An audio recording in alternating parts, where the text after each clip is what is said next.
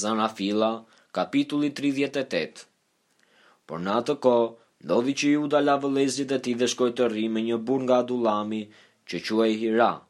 Kur Juda pa vajzën e një burri kananean, të quajtur Shua, e mori për grua dhe u bashkua me të. Dhe ajo u ngjiz dhe lindi një bir, që ai e quajti Er. Pastaj ajo u ngjiz dhe lindi një bir, që ajo e quajti Onan. Ajo u ngjiz përsëri dhe lindi një bir, të cilit i vuri emrin Shelah. Juda ishte në Kecib kur ajo i lindi. Pastaj Juda i dha Erit të parëlindurit të tij një grua të quajtur Tamara. Por Eri, i parëlinduri i Judës, ishte i keq në sytë e Zotit dhe Zoti e bëri të vdesë. Atëherë Juda i tha Onanit, Shko te gruaja e vëllait tënd, martohu me të dhe ngjalli trashëgimtar vëllait tënd.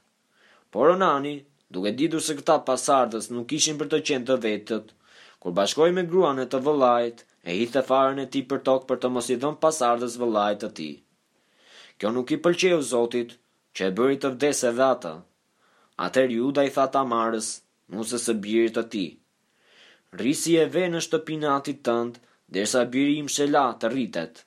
Sepse mendonte, Kam frikë se edhe ai ka për të vdekur si vëllezërit e tij.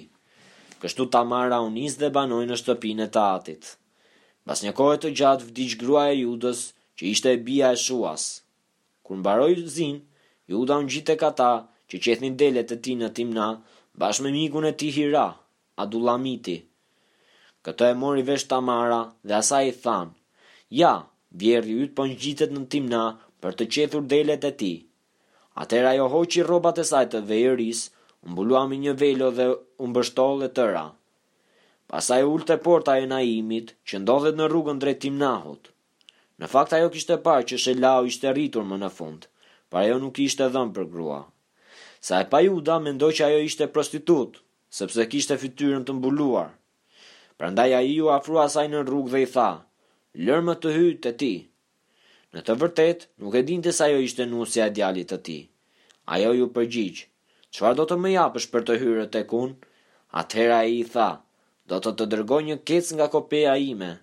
Ajo e pyeti, A më jep një peng derisa të ma dërgosh? Ai i tha, Çfarë pengu duhet të të jap? Ajo u përgjigj, Vulën tënde, kordonin tënd dhe bastunin që ke në dorë. Ai ia dha, hyri te ajo dhe ajo u ngjis me të.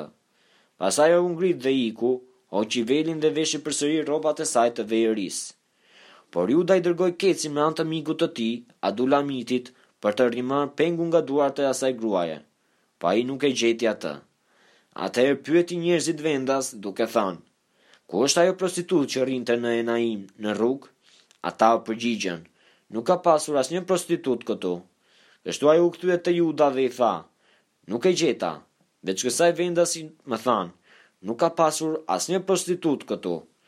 Atëherë Juda tha, Le ta mbajë, pra, pengun që i dhashë, sepse nuk duam të mbulohemi me turp. Ja, unë i dërgova këtë kec dhe ti nuk e gjete. Tre muaj më vonë erdhën dhe i thanë Judës, Tamara, nusja e birit tënd, është e bërë prostitutë. Dhe, nga ky shkak, ajo ka mbetur gjithashtu me barrë. Atëherë Juda u tha, Nxirreni jashtë dhe digjeni. Ndërsa po e nxirrnin jashtë, ajo i çoi fjalë të vjehrrit.